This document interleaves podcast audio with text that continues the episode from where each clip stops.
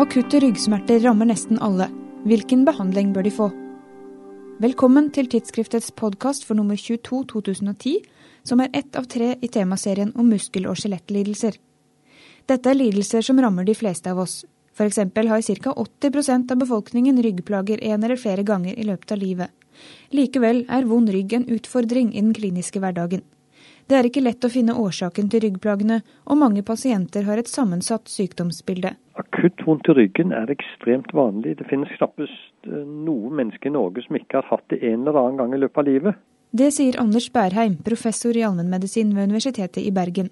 Og Vi vet også at av alle de som en gitt dag har vondt i ryggen, så er det bare én av 50 som går til doktor. Det betyr at det den som går til doktor med ryggplagene sine, i utgangspunktet er spesielle og har spesielle behov. Hva kan du si om prognosene ved tilstand? Blant oss som har vondt i ryggen, så er det nesten ingen som har noen problemer med det. Det går over. Hvis vi ser det fra allmennpraktikeren, så er det altså allerede en selektert gruppe. De har behov, enkle behov vanligvis, sykemelding eller å bli anerkjent eller slik. Men hvis det ikke går over i løpet av en fire-fem uker, så må allmennpraktikeren begynne å bli obs på at det kan være kronifiserende forløp. Og det er den største faren ved vondt i ryggen. De ganske få som egentlig ikke blir gode, og som havner på uføretrygd osv. I 2002 ble det utgitt norske tverrfaglige retningslinjer for akutte korsryggsmerter. Disse baserer seg på de europeiske, og har som mål å spre kunnskapsbasert viten om ryggelidelser til pasienter, leger og andre helseaktører. Men retningslinjer er ikke nødvendigvis noe alle er enig i det er problematisk når nasjonale retningslinjer, i mine øyne, dels ikke problematiserer evidensbasert medisin når det gjelder egne anbefalinger, og dels har anbefalinger som så åpenbart politisk er uaktuelle, som bruk av valium ved noe så vanlig som kostryggsmerter. Det finnes også miljø eh, fra evidensbasert medisin som reiser spørsmål om effekten av vanlige smertestillende når det gjelder vond rygg. Som f.eks.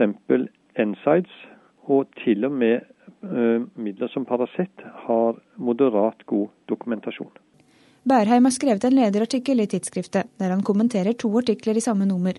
Even Lerum og medarbeidere har skrevet en oversiktsartikkel der de gjengir hovedinnholdet i de nasjonale retningslinjene, og drøfter ny kunnskap innen feltet. Farmakolog Tarjei Rygnestad har skrevet spesifikt om legemiddelbehandling av akutte korsryggsmerter. Professor Bærheim mener artiklene preges av forskjellig kunnskapsgrunnlag, ulik argumentasjon og til dels ulike konklusjoner. Men det er kanskje ikke så rart. De to artiklene i tidsskriftet kommer fra veldig forskjellige miljøer. Det ene er fra miljøet rundt de nasjonale retningslinjene. Den andre artikkelen kommer fra farmakologisk hold. Og disse vil selvfølgelig ha forskjellig blikk. Eh, noe de er enige om, som jeg syns er problematisk, er nettopp bruk av diazepam, altså valiumlignende stoffer, ved vond rygg, fordi avhengighet av disse stoffene er så problematisk. Det farmakologen fokuserer på, som retningslinjene er noe dårligere på, er det terapeutiske vinduet mellom seks og tolv uker, der pasienten kommer mye lettere inn i en kronisk utvikling hvis man ikke rehabiliterer innen de første tolv ukene. Ryggelidelser diagnostiseres bl.a. etter tidsforløp. De kalles akutte inntil tre måneder, og kroniske når smerteperioden har vart i mer enn tre måneder. Mellomperioden seks til tolv uker etter smertedebut kalles subakutt. 5% har fremdeles behandlingskrevende plager etter tolv uker, og da er ryggplagene i ferd med å bli kroniske, mener Bærheim. For å unngå dette bør legen henvise videre, allerede etter seks til åtte uker. Jeg mener man må fokusere på at den viktigste behandlingen for de som fremdeles har vondt etter seks uker, det er å tenke rehabilitering. Så snart som mulig. Fordi alle andre eh, terapier, som f.eks. kirurgi, oftest er uaktuelle, og man taper ikke så mye på å vente litt med det.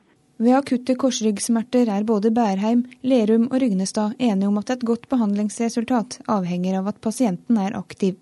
Medikamentbruk er de mer uenige om. Slik jeg ser det, så tror jeg vi fokuserer for mye på smertestillende behandling. Vi har kanskje for mye respekt for de første par sykemeldingsdagene. Pasienten burde nok noe lettere få en kortvarig sykemelding. Og pasienten bør i veldig sterk grad oppmuntres til egenaktivitet. Hvis man må ta medikamenter i bruk, hvilke bør man da bruke? helt opplagt Paracet, som er det eneste som har en viss dokumentasjon. På tidsskriftet.no og på vår kanal på YouTube kan du se tre korte filmer om diagnostikk av uspesifikke korsryggsmerter. Filmene viser henholdsvis første konsultasjon, en enkel klinisk undersøkelse og en utvidet klinisk undersøkelse. På tidsskriftet.no kan du også lese alle artiklene i temaserien om muskel- og skjelettlidelser.